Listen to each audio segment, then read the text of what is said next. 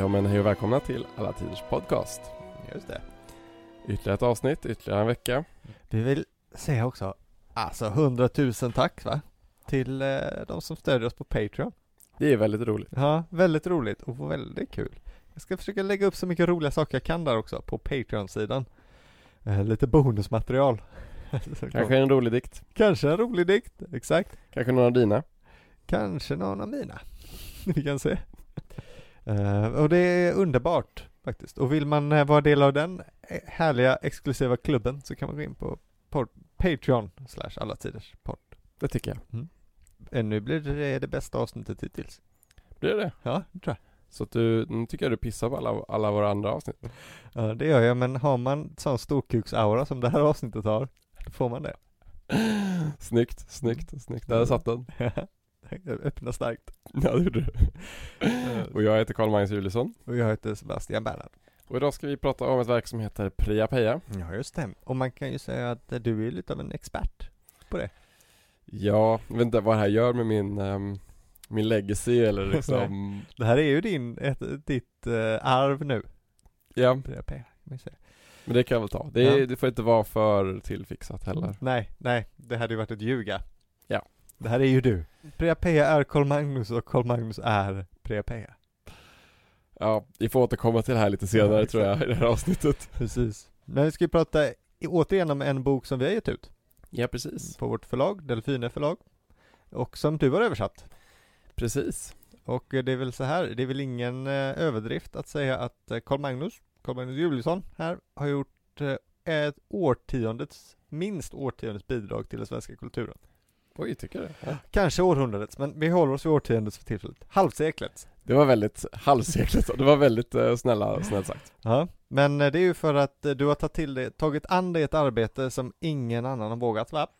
Så är det ja. Så är det. Och du har gjort det på ett eh, sätt som gör oss alla rikare, ett tillgängligt sätt. Ja, Va? tackar. Så är det väl? För det är ju en skam att det har dröjt ända tills i år tills den här boken finns på svenska. 2000 år ska jag ha tagit. 2000 år tog det innan någon vågade säga det här ska vi skriva på äran och hjältarnas språk. Det är sant faktiskt. Ja, det är lite märkligt. För det här är ju en antik bok.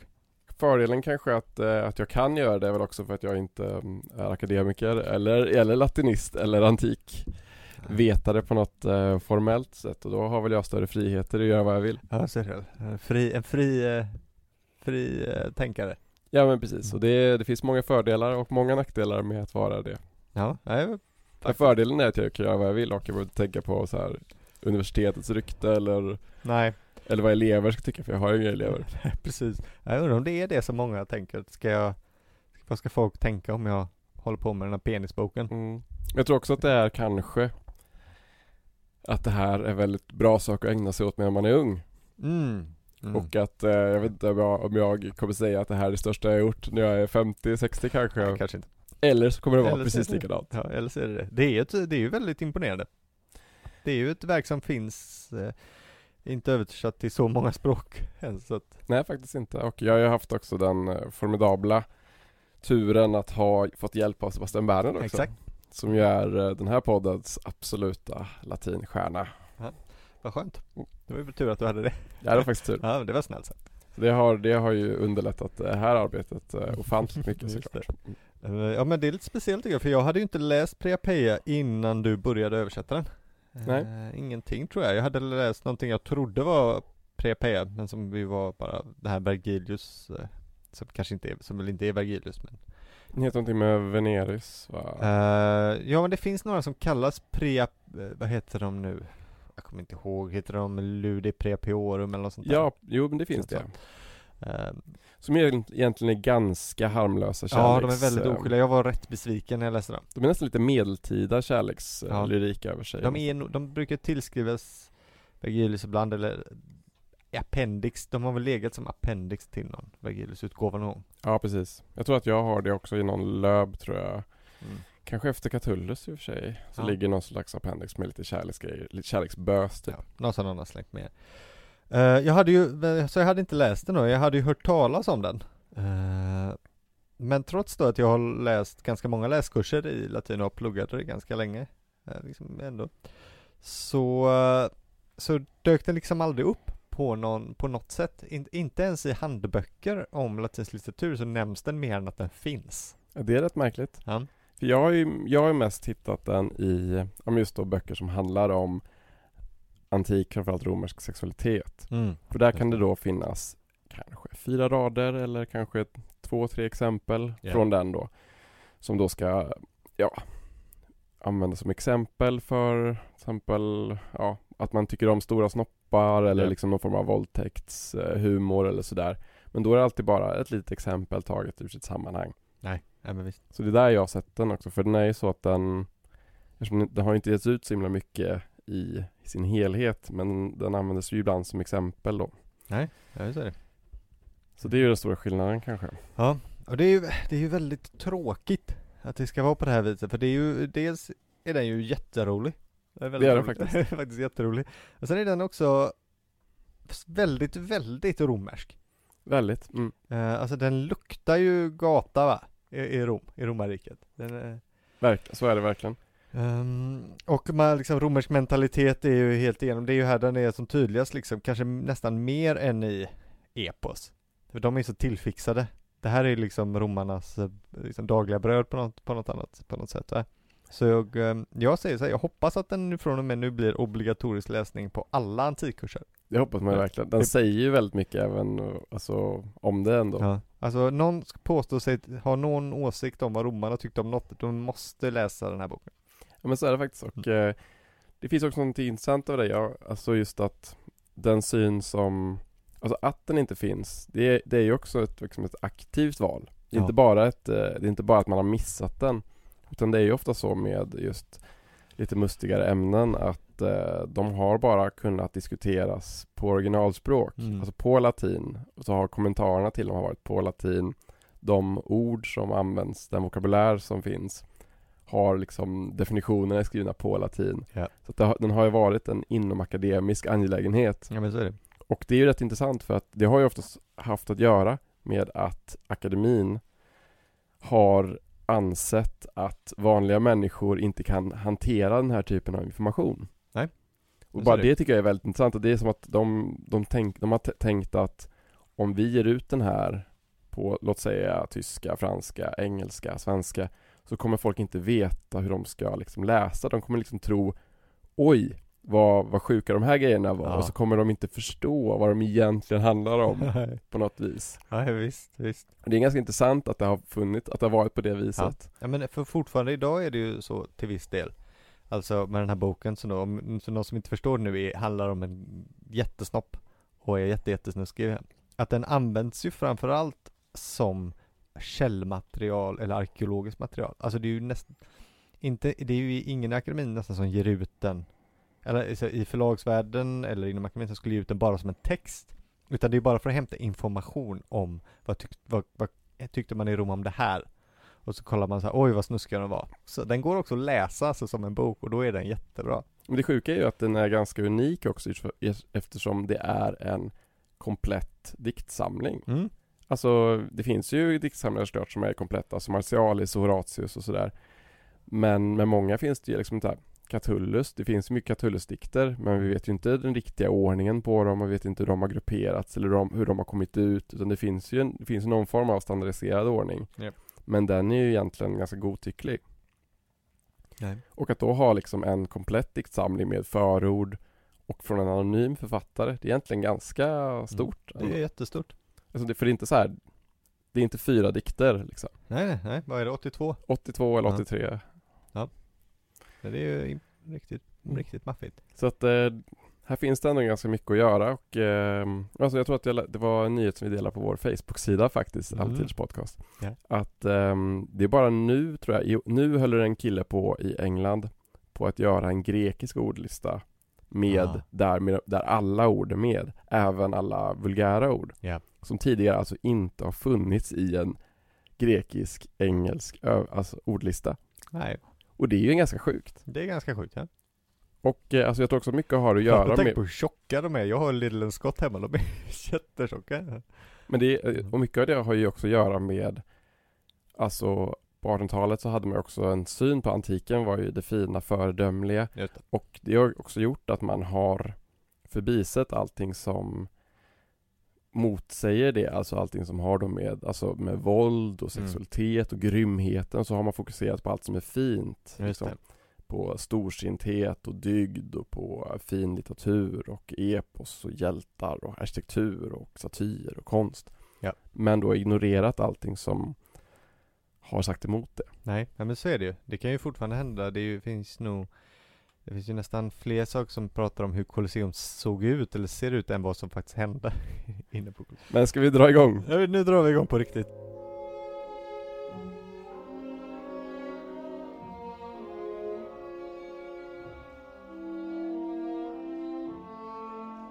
Priapeia, man hör ju på det ordet, det har ju med en gud som heter Priapus att göra. Det gör det. Det gör det. Precis som Aeneiden har med Aeneas att göra, Ja, eller. Odysseen med Odysseus att göra. Ja, det är ju tacksamt när det är så. Precis, det har med ett egennamn att göra, Priapus. Och han då är en gud. Mm, just det. Som enligt en legend då sägs vara son till kärleksgudinnan Afrodite och Dionysos. Det är en version. Det finns ju, verkar finnas jävla mycket versioner.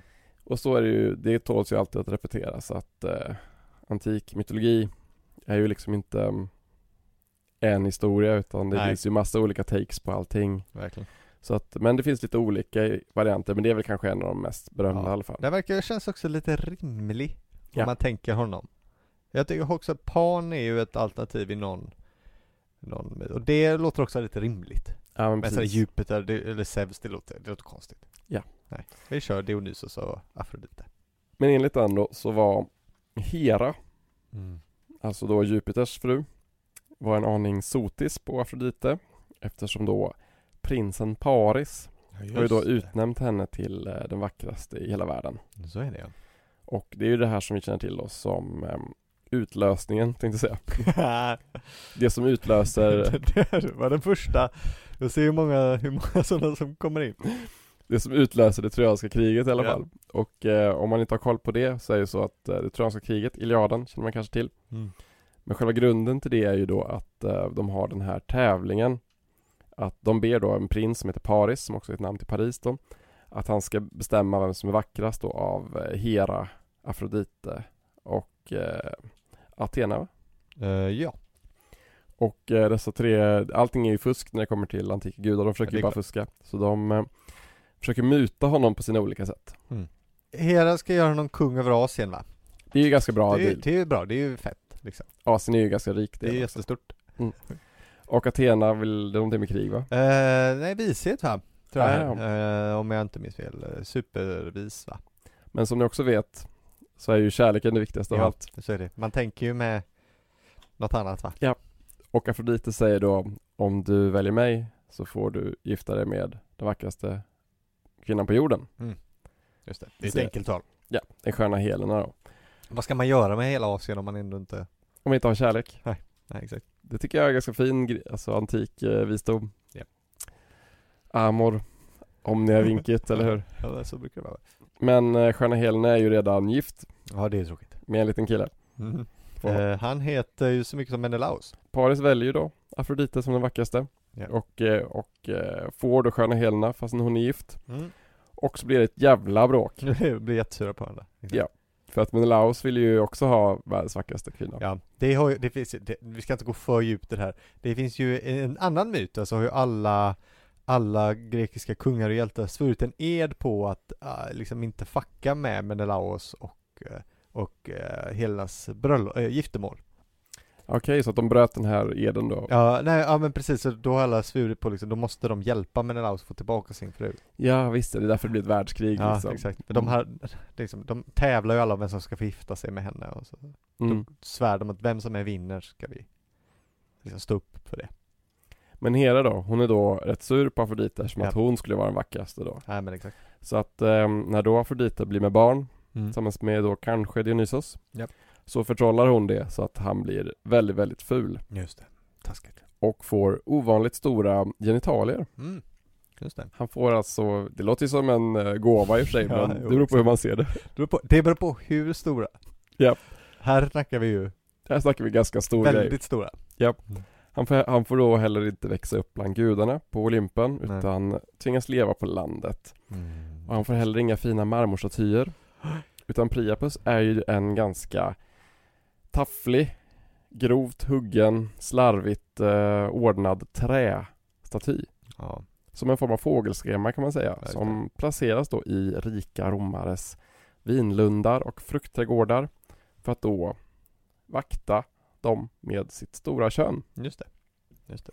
Som är hans liksom, det är hans vapen. Mm. Och han jämför då ofta sin kuk då också med de andra gudarnas vapen. Och det kan ju låta till exempel så här då. Ehm, det här är då ur boken. Blixtrarna behärskas av Jupiter. Treudden är Neptunus vapen. Mars är mäktig med sitt svärd. Spjutet Minerva är ditt. Liber går i krig med knippen av Tyrsus. Pilen avfyras, sägs det, av Apollons hand. Herkules obesegrade högra hand är utrustad med en klubba. Men en styv kuk gör mig skräckinjagande. Ja, just det. Så han, eh, det är hans liksom Weapon of choice i den här krigiska skaran. Mm. Och Priapus han har ju då två roller. Han är fruktbarhetsgud. Så man kan alltså offra äpplen då och annan frukt och mat till honom. Ja. För att då som man då eh, inte tappa sin potens. Det vill man inte. Och eh, om man är kvinna för att inte sakna älskare då. Eller som det formuleras i den här boken, att inte bli knullad. Just det. Och det vill man ju bli. Anta, anta. Och eh, hans andra roll är han också då skrämmer bort tjuvar med det här könet då. För Ja, att eh, med då hot om våldtäkt. Ja, det är ju läskigt. Så här kan det låta. Eh, om en kvinna, man eller pojke stjäl från mig ska hennes fitta, hans mun och den sistes skinkor tillhöra mig. Ja, just det. Då kanske du tänker, men så där står det väl inte? Ja, det tänker folk nu. Nu, nu överdriver du. Du har, gjort, du har fulat till det. moderniserat det. Ja. Det står säkert penis eller sak eller Ja. utrustning eller något Exakt. där. Nej, Nej. det gör ju inte det utan eh, det står fitta. Det står ju ett annat, det står inte fitta. Nej det gör det, det står ju det på latin Det ja. står på latin. Mm. Men ordet betyder Ja. hitta. Det för att eh, romarna hade ju precis som vi har olika ord. Ett lite mer rumsrent ord för eh, könsorgan och ett som man eh, slängde sig med. Det roliga är ju att deras eh, finare ord för det är ju också vårat så att säga. Ja, nej men precis. Penis och vagina. Ja precis, och penis betyder ju då svans. Ja. Och är latin. Ja. Och eh, så att det är inte så att det betyder snopp egentligen, utan det är liksom en metafor som man har haft kvar då. Och eh, i den här boken så får man en ganska vid vokabulär faktiskt för det manliga könsorganet och Mm. även det kvinnliga. Det. Och det vanliga ordet, alltså det som är kuk på svenska, heter då mentula Ja, på latin. Är väl det, liksom det, det vulgära, men också vardagliga, vanliga ordet för det. Ja, precis. Om man, om man någon liksom slogan i snorren så har man såhär Ah min mentula! Exakt. Ja. Exakt. Mentula med! Ja men exakt, det kan vara kul att veta om man vill svära och folk inte ska fatta vad man säger. Exakt. Så här kan det också låta. Även om jag är en Priapus i trä som du ser, med en skära i trä och en penis i trä, kommer jag ändå att ta dig. När jag har dig fångad ska jag begrava hela denna sak, hur stor den än är, hårdare än ett tvinnat rep eller en gitarrsträng, i det sjunde revbenet på dig. Mm. Ja. Så att, eh, ja, men han kan också hota med att man inte ska få någon tillfredsställelse. Ah. Så att låt alla tjuvar som lurar min uppmärksamhet få klåda långt från den fjolliga stjärten. Låt alla flickor som med dristig hand plockar mina äpplen aldrig hitta någon som knullar dem. Nej. Så att eh, det vill man ju inte heller ska ske. Nej det vill man ju verkligen inte. Det vill man inte. Verkligen inte. Så att eh, det finns en hel del grova, grövre än den här till och med, som eh, finns i den här boken. Och eh, en ganska humoristisk samling får man ju säga då, med eh, som är lite grövre än man kanske tänker att Ja. latinsk poesi ska vara. Ja men så är det. Jag tror nog att när du började läsa det så fanns det en och annan som säkert på riktigt tänkte så, så, grovt kan det liksom inte vara. Nej, Det, det, det, för, så grova är man bara nu efter. Men så är det verkligen inte utan jag tycker också det är en ganska fin sak när man tänker på det att eh, det som att det är liksom så som det alltid har varit. Ja, ja men så är det. Jag tänkte faktiskt på det när jag, då någon gång jag läste om eh, Pompeji och allt klotter som fanns där. Mm. Jag tycker det får en liksom att se Alltså se också med andra ögon på modernt klotter. Ja just det. Alltså verkligen, det här är inte modern skadegörelse. Utan det är liksom en, en grej man har gjort i tusentals år. Sen, så länge det funnits väggar och pennor så har man skrivit Han är en kuk på den. Ja, så är det. Och det tycker jag, jag tycker det ganska, att man liksom, det är ganska fint. Ja, man blir lite varm av det. Ja men liksom det, det är så det ska vara. Det är Ja, liksom, det är så det är att vara Ja, människa. exakt. Det är nästan avsaknaden av klotter som är det underliga. Det är sant faktiskt, det är nästan lite fascistiskt så. Ja, Mm. faktiskt. Ett annat latinskt ord.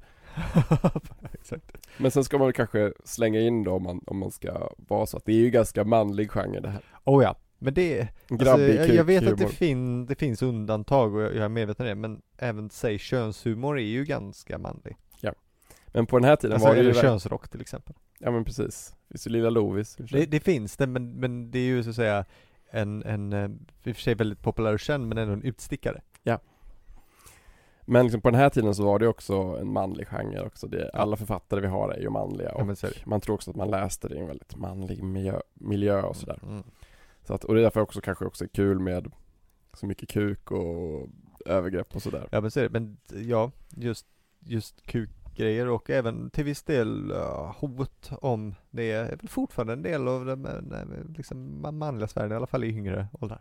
Ja men verkligen. Och ehm, det finns ju mycket beröringspunkter med typ stand-up och sånt där. Oh ja. Men en sak som vi inte har adresserat är att man vet ju inte vem eller när exakt Pia Peja är skriven.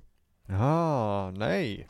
Det är. Och ehm, ibland kan man se, typ om man googlar, att den har en väldigt lång undertitel. Mm, just det. Eh, som börjar med, ska vi se, Sive, som betyder eller.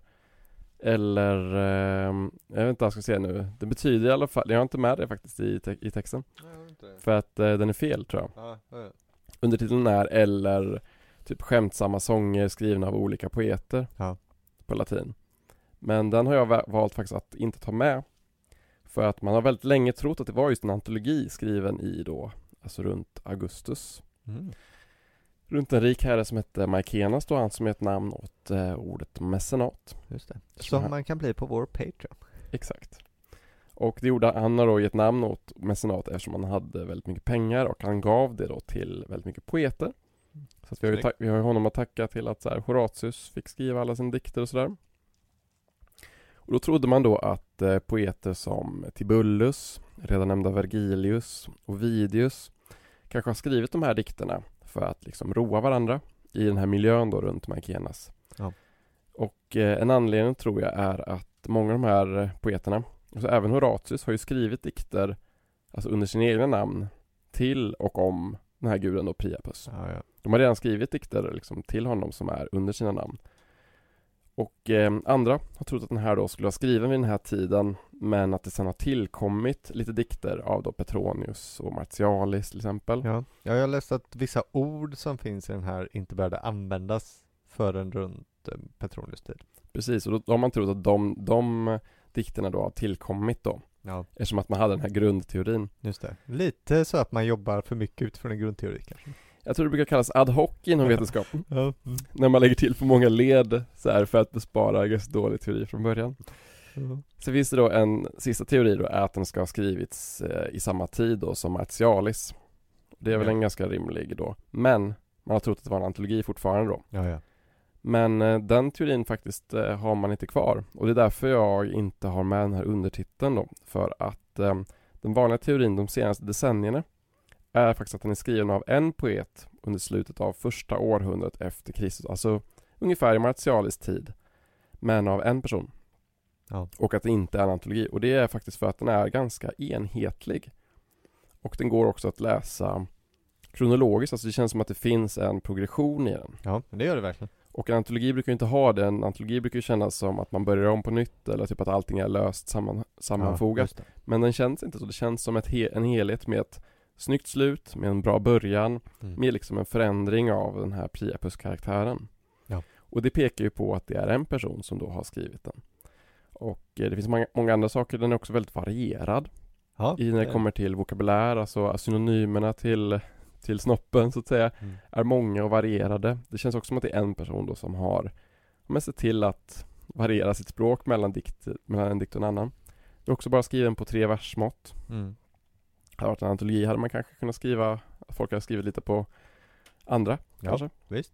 Så att det är väldigt mycket som pekar på att det är en person som har skrivit det. Och, ehm, Och då liksom är det ingen poäng att ta med den här undertiteln eftersom att den säger någonting helt annat. Ja, nej, nej, visst. Plus att det blir så långt och knöligt med den. Ja, precis det också. och, eh, men det tåls också faktiskt att påpekas att Priapus är ju inte heller, han var inte en opopulär gud. Att eh, det är inte så att den här dikten är, eller den här diktsamlingen egentligen ur ett romerskt perspektiv kanske var så sjuk som det känns idag. Nej, nej, nej visst. För att Priapus var ju en ganska omtyckt gud faktiskt, även om han inte kanske är jätte Mm. omtalad idag. Nej. Han är ju inte en av de tolv liksom, då som man brukar säga, tolv olympierna. Nej precis, men han finns ju hos Ovidius Ja. även om det är ganska kort kanske. Och ehm, ehm, man tror att kulten till honom då, att den är från 300-talet före Kristus i en stad som heter Lampsacus Mm. som ligger i nuvarande Turkiet. Och att den sen då via Alexander den store sen spreds då över romarriket. Ja. Det är ganska sent alltså man tänker att eh, en person som Platon hade kanske inte hört talas om. Nej, det är sant. Och som jag nämnde så har ju då Catullus och Horatius och Tibullus, alla har ju skrivit dikter till honom. Och eh, så att han, han var ju inte liksom okänd då för att de ändå, det här är ändå ganska Catullus är ju lite ostäd men Horatius är ändå en väldigt respekterad poet Ja, ju. absolut. Så att det är inte, var inte konstigt att han har skrivit, den är inte lika grov då Nej. som de här. Men att han ändå kan tilltala honom liksom utan att det är något konstigt. Och vi vet till och med att han omnämns ju till och med av kristna kyrkofäder. Ja. Alltså som Arnobius och Augustinus nämner ju honom i eh, Guds stad tror jag. Kanske inte så positiva ordalag. Nej men han tände I upp men Han honom. tar upp det så det är uppenbarligen tillräckligt stort ja. Ja han är i alla fall tillräckligt känd för Ja. att det behövas omnämnas liksom. Ja, det är klart han, han säger inte vilken skön kille han var. Men det säger, visar ju någonting på hur utbredd han var. Ja, ja men visst, visst. Men han var ju superpopulär ja. Och, och hade man en trädgård så vill man ju ha en prepus liksom. Ja men verkligen. Och eh, idag kan man ju se en väldigt berömd bild av honom i Pompeji. Mm, just det. Som är ett, eh, som vi har som visningsbild till det här avsnittet. Ja. Ja det lär vi väl Det måste vi väl ha. Det måste lär vi väl ha. Men det är väl liksom, det är liksom på- senare tid som eh, man har liksom rensat lite grann i leden. Mm. Känns det som. Ja, nej absolut.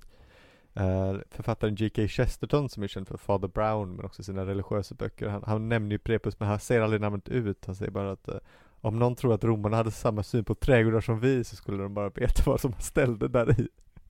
Alltså skriver han så? Ja. Mm. Och då, då är det här han syftar på? Ja, då är det det här jag syftar på. Kul. Ja. Och ehm, då kanske man också undrar, men hur, hur har vi den här överhuvudtaget? Alltså det är ju så, det är en lång och snårig eh, historia såklart, alltid med antika manuskript. Men de, vi har faktiskt de, de äldsta bevarade manuskripten är ju från 13-1400-talet. Mm.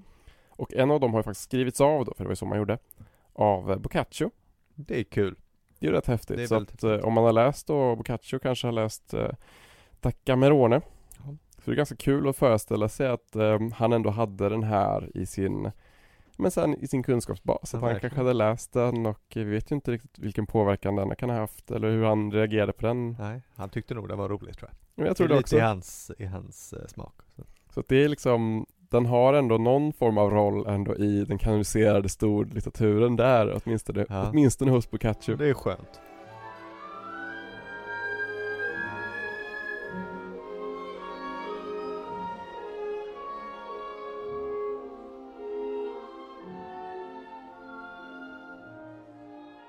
Det här med jättepenis på en, eh, på en gud eller en staty, det kanske låter främmande för oss, men det var ju inget som var främmande i antiken. Eh, Inte bara eh, i Priapus, därför att den antika världen var ju full av fallosar, penisar. Ja, de gillade det ändå. Ja det gjorde de, och ju oproportionerligt stora desto bättre.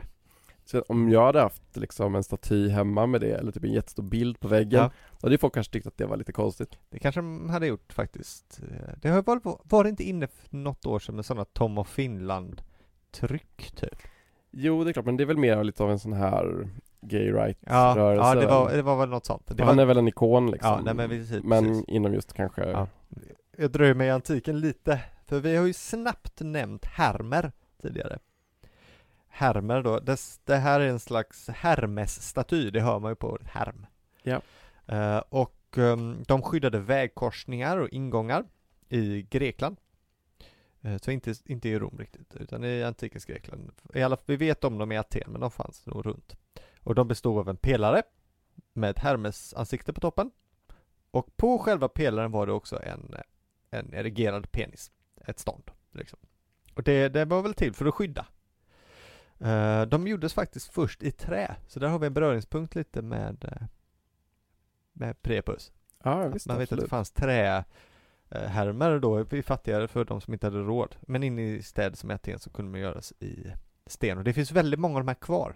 Eh, Så om man är på ett arkeologiskt museum i just Grekland får man åka för att eh, brittiska och franska arkeologer hämtade inte hem dem.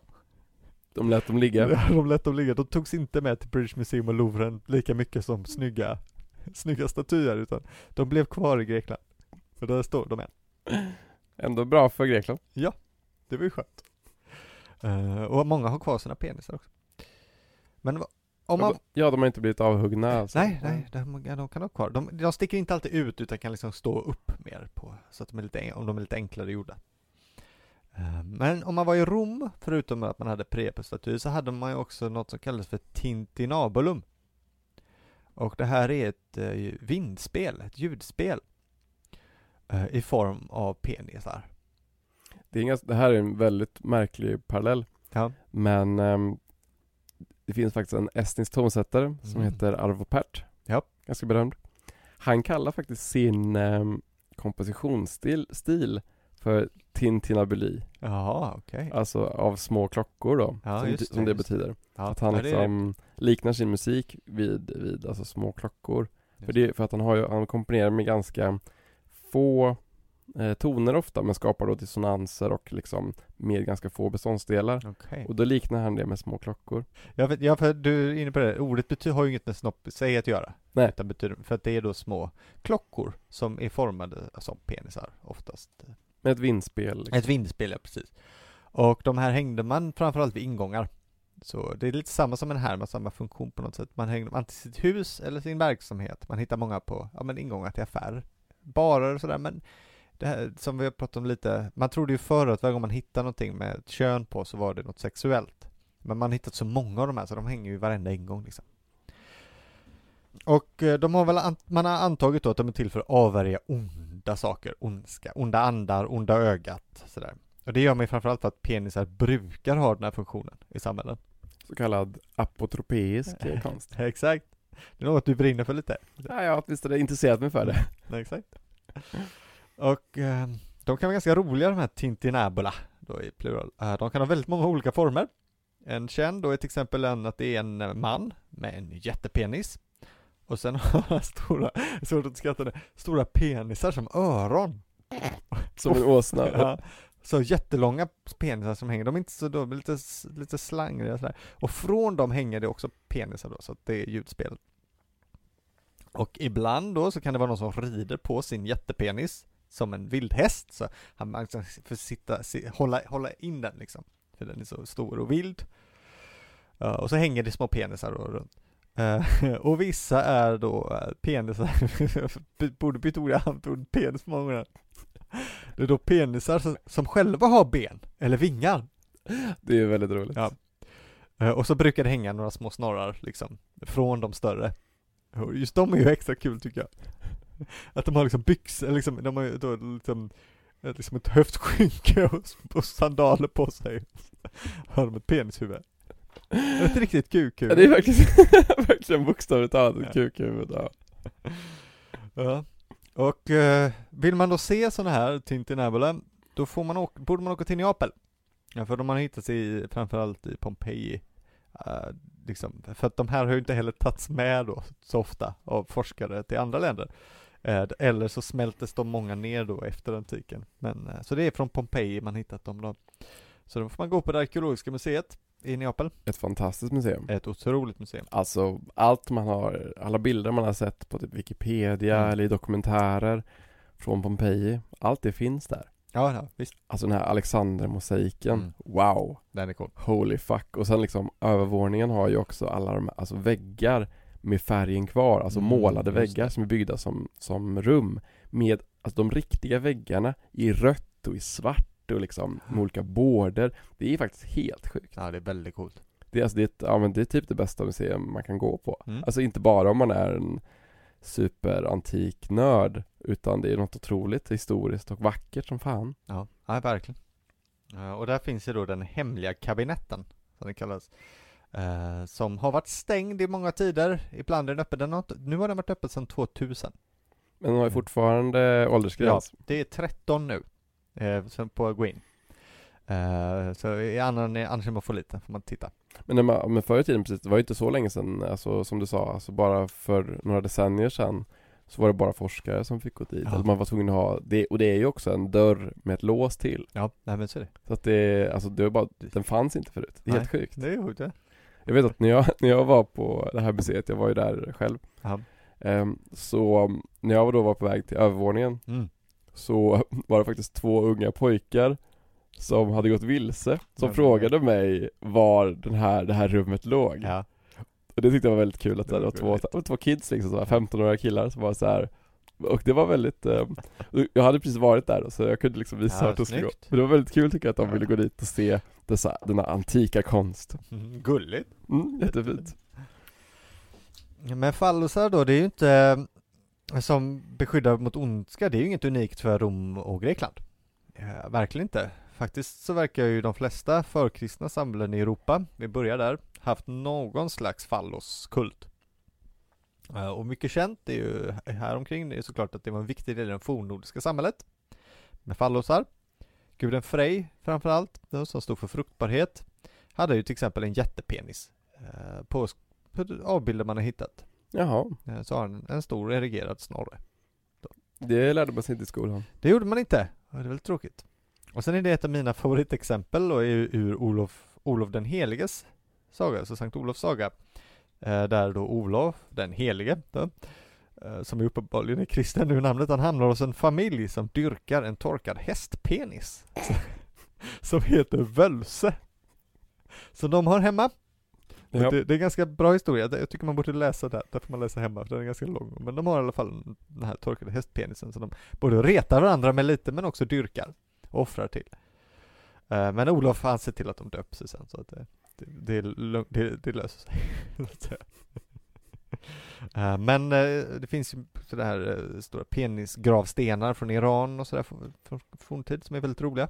Och om vi ska vara ärliga, en obelisk, En obelisk, ja. Nej, men, vad är det? nej, Den är ju till och med lite spetsig högst upp ju. Ja. Som ett litet, alltså, nej, det är klart det. det är klart det är en kuk.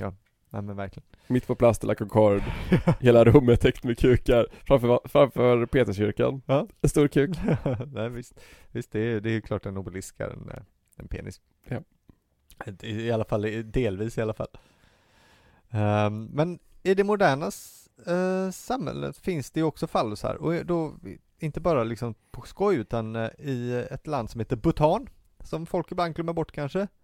Ja dit åker man ju inte på semester riktigt. Nej, Ja, om du inte är väldigt rik. Ja. Eh, då, där lever den apotropeiska penisen och frodas. Eh, Det är fortfarande vanligt att man målar snorrar på sitt hus. Eh, För tur och för att mota bort just det onda ögat och sånt där. Det är en ganska rolig historia det här. Det här kopplar man till den buddhistiske missionären som heter Drup, Drukpa Kunli, hur man nu uttalar det, som var en av de som förde in buddhism i Bhutan. Han hade då väldigt stor snopp. Som han kunde bland annat då välsigna kvinnor med. Alltså Ja. med munken alltså? Munken då hade en stor snopp. Okej. Ja. Bra att man kan välsigna med den. Han, det, han, kunde, han välsignade kvinnor med den. Och han drev bort onda andar med den som kom och så hotade han dem med sin stora snopp. Alltså är inte det här en saga i Decamerone bara? lite, lite, ja det, det är det faktiskt. Alltså vadå? Ja men det gjorde han. Eh, och hans penis då, den kallades för den brinnande visdomens blixt. Ja. Där skrattar du med det här kulten är levande än. Och hans välsignelser var väldigt mäktiga. Men för att man skulle få dem var man tvungen att ta med sig en kvinna och vin. Okej, ja, alltså det känns som att han har hackat systemet bara. Ja, nej men visst, och han, eh, han, mm, ja.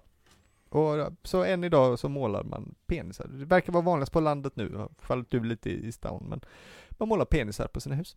Mhm. Och sen finns det ju då, så måste jag nämna lite snabbt, eh, en liten eh, religiös organisation som heter Saint Priapus Church. Som grundades i Montreal, men som framförallt är populär i San Francisco. Och från det kan man dra slutsatsen att det framförallt är homosexuella män som, eh, som tillhör den här rörelsen. Den dyrkar nämligen fallosen. Och de försöker då bland annat skapa världsfred genom avsugningar. De Okej. dyrkar framförallt avsugningen är det viktigaste.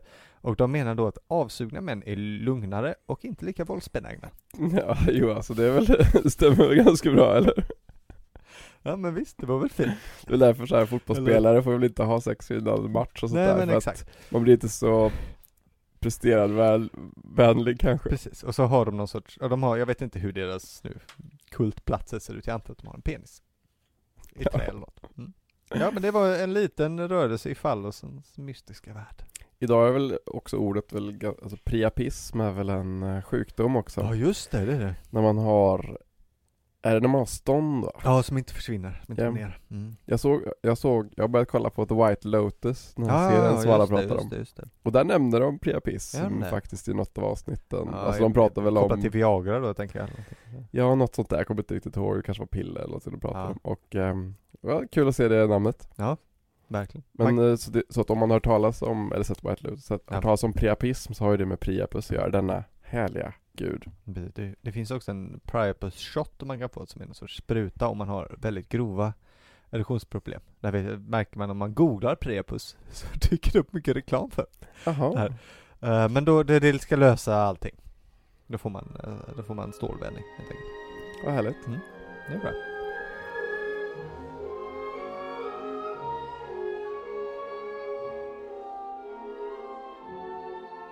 Ja, men jag tänkte vi skulle nämna lite grann om den här genren då, för man kan ju tycka att eh, okej, det här var en konstig bok.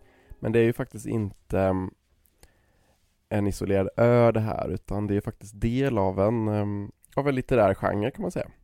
Så romersk poesi handlar ju inte bara om gudar och heroiska slag och högtidlig kärlekslyrik och carpe diem. Nej. Utan det finns faktiskt en hel del humoristisk, erotisk och satirisk poesi som till och med idag då, alltså 2000 år senare, ja, men, både kan få en att skratta och höja på ögonbrynen. Och eh, som då kanske har varit lite mer kontroversiell också att översätta ordagrant eller använda sig av i sin undervisning och så Mm. vidare. Jag tycker alltså, om inte Martialis är ju en otroligt bra poet att Ja, läsa. jättebra. Men eh, alltså som funkar toppen att läsa idag faktiskt. Eh, Och, men den kanske allra viktigaste poeten i sammanhanget är ju Catullus. Som då levde under hundratalet före Kristus, alltså typ hundra år före den här boken. Ja. Han är såklart känd för väldigt mycket mer än just hans erotiska dikter då, på grund av också hur, eh, hur undervisningen har gått till i latin. Och han är ju väldigt känd för sina kärleksdikter. Och man kanske har hört den där Ge mig tusentals kyssar och sedan hundra, sen då tusen igen. Sen hundra. Den där, den är väldigt Ja, ja, berömd. visst. Och eh, jag vet att vi hade den som kyl- kylskåpsmagnet hemma faktiskt. Mhm. Den är ju väldigt känd liksom. Ja. Och sen är han ju väldigt berömd för sin eh, eh, Ode ett amo-dikt. Mm. Ode ett amo betyder jag hatar och jag älskar. Och eh, det brukar ju räknas som en av de första skildringarna av den passionerade hatkärleken. Har någon menat. Ja, ja, ja. Någon har menat att det är liksom Catullus som i den här dikten då egentligen kommer på för första gången det här Alltså att man, man kan hata att man älskar någon Eller pendla däremellan eller att man både kan älska och hata någon samtidigt Ja, jo, visst, så är det. Som den där Håkan-låten Jag hatar att jag Ja, älskar det. dig och Jag älskar dig så mycket att jag hatar mig Ja, just det. Från Catullus till Håkan Hellström Ja, just det. Täta skott. Mm, men dikten är ganska kort, det är två rader bara. Den, den går så här då på svenska. Eh, hatar gör jag och älskar ändå. Du frågar mig varför. Vet inte, men det är så. Ständigt torterade mig. Mm. Så att eh, han är en av tid, de tidiga som i alla fall visar att kärlek kan vara knöligt. Och Catullus han räknas då till en grupp poeter som kallas neoteriker. Och eh, det undrar man, det har man ju aldrig talat om, men det är liksom en form av ny poesi under då första århundradet före Kristus.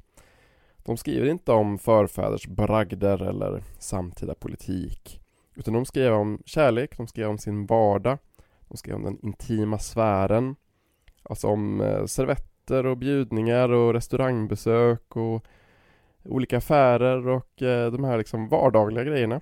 Och då även korta satiriska dikter.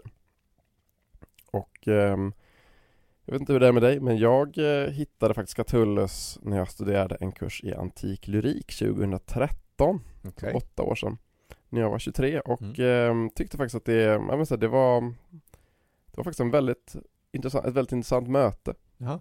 För att liksom, ehm, jag är 23 Jaha. Och liksom ålder. säger, det är faktiskt en ganska bra ålder för att faktiskt läsa Catullus också om det finns lite yngre personer där ute. För han är ju lite, han är ganska hård, han är ganska aggressiv. Han har liksom en viss form av självömkan Mm. och är liksom Den hade liksom en kraft som jag inte tyckte att modern poesi hade. Ja, ja, nej, visst, visst. Och eh, som faktiskt jag, eh, ja men så här, Det var mm, Uppfriskande. Var uppfriskande och liksom att man, man visste inte typ inte att den typen av poesi fanns. Härligt. När läste du Catullus första gången? Det vet jag inte. Uh, alltså jag hade inte läst jättemycket innan vi började läsa latin. Jag hade väl sett liksom, läst några av hitsen. Eh, men här, det var inte något, som- något som var min favorit eller något som jag hade fäst så särskilt. Så jag vet inte riktigt Nej. faktiskt. Men du hade inte samma, samma liksom eh, klaffen, handen i handsken? Eh, nej, nej det hade jag inte. Det hade, jag tror, jo den första jag, jag läste var ju den som är en Sappho. Eh, den fick jag på, var med, var med i svenska på gymnasiet. Ja, gudars like Ja, eh, precis. Den. taken. Mm. Mm, precis. Eh, men jag kommer inte ihåg att den gjorde något särskilt. eh, Men den är inte så himla tilltalande på det sättet. Nej, den är väl fin. Men Den är, inte, den är intressant för att det är en form av imitatio ju, att Mm. den liksom, att han bygger, han, den har ju några rader till va, tre eller fyra rader till. Ja, den är ganska, nej men den, har, den är hyfsat lång. Den är betydligt längre än Sappho-dikten tror jag. Men den är intressant för att den bygger vidare på då den här väldigt klassiska Ja, gamla ja. Sappho-dikten. Mm. Men jag vet inte om jag tycker den är så otrolig i sig. Nej, men den tyckte väl att den passade gymnasieungdomarna. Men, eh, men det finns också en del konventioner i den här typen av genre, i den här typen av diktning. Alltså konventioner som finns både hos Catullus men också i Priapeia som binder dem samman genremässigt. Och det finns en forskare som heter Amy Rishlin som har forskat på just eh, romersk satir då på typ 70-80-talet. Och hon har ganska träffande skrivit att ehm, innehållet i den erotiska satiriska diktningen är av samma art som antikt klotter. Ja, just det. Och som vi sa, antikt klotter är ju precis som vår tids klotter, alltså på toaletter och i våningssängar och på väggar. Det kan man ju se i Pompeji till exempel och de handlar om vem som har sex mot betalning, vem som har gjort vad med vem och vem som har blivit även avsugen var. Vill man ha roliga ord för det så kallas en kvinnlig person som suger av någon kallas fellatrix.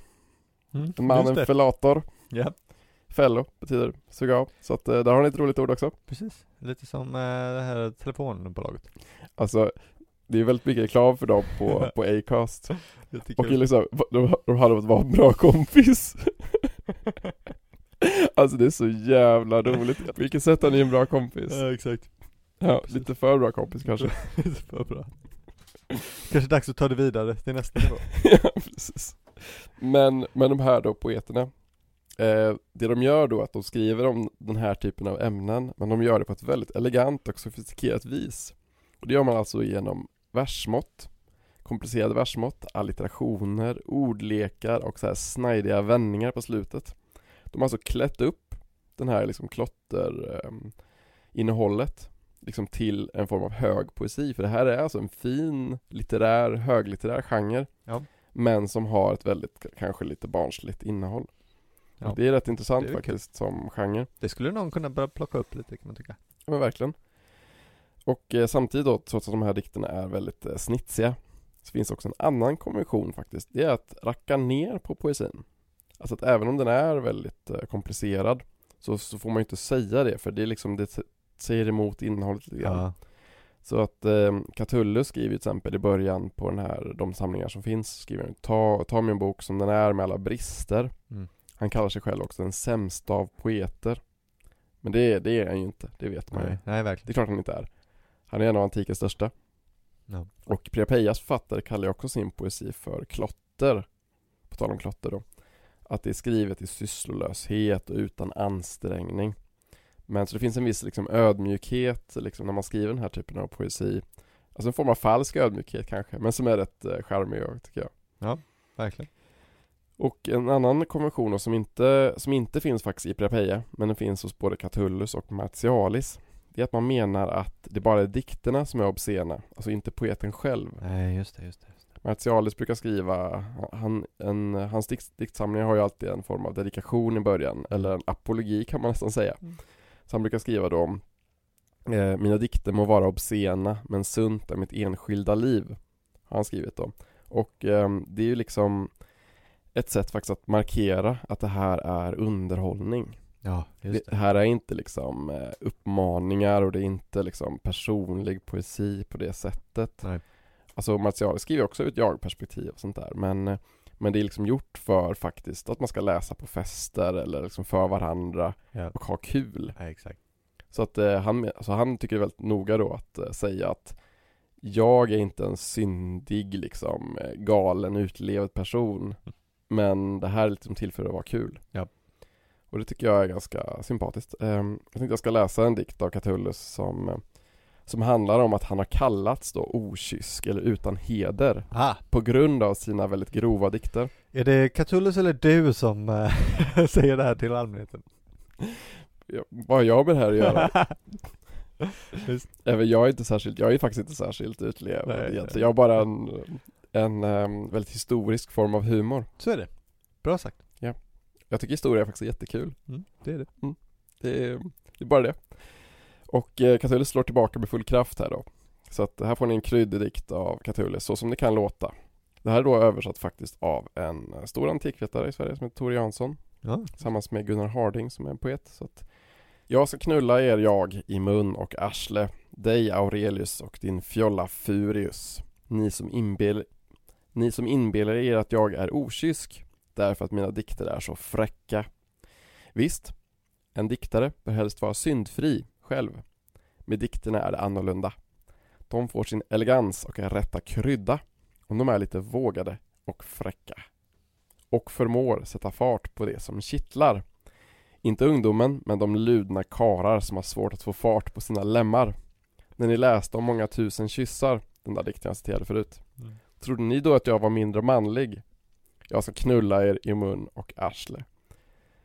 Så kan det låta Mm. Fint. vid ett, eh, på en romersk fest.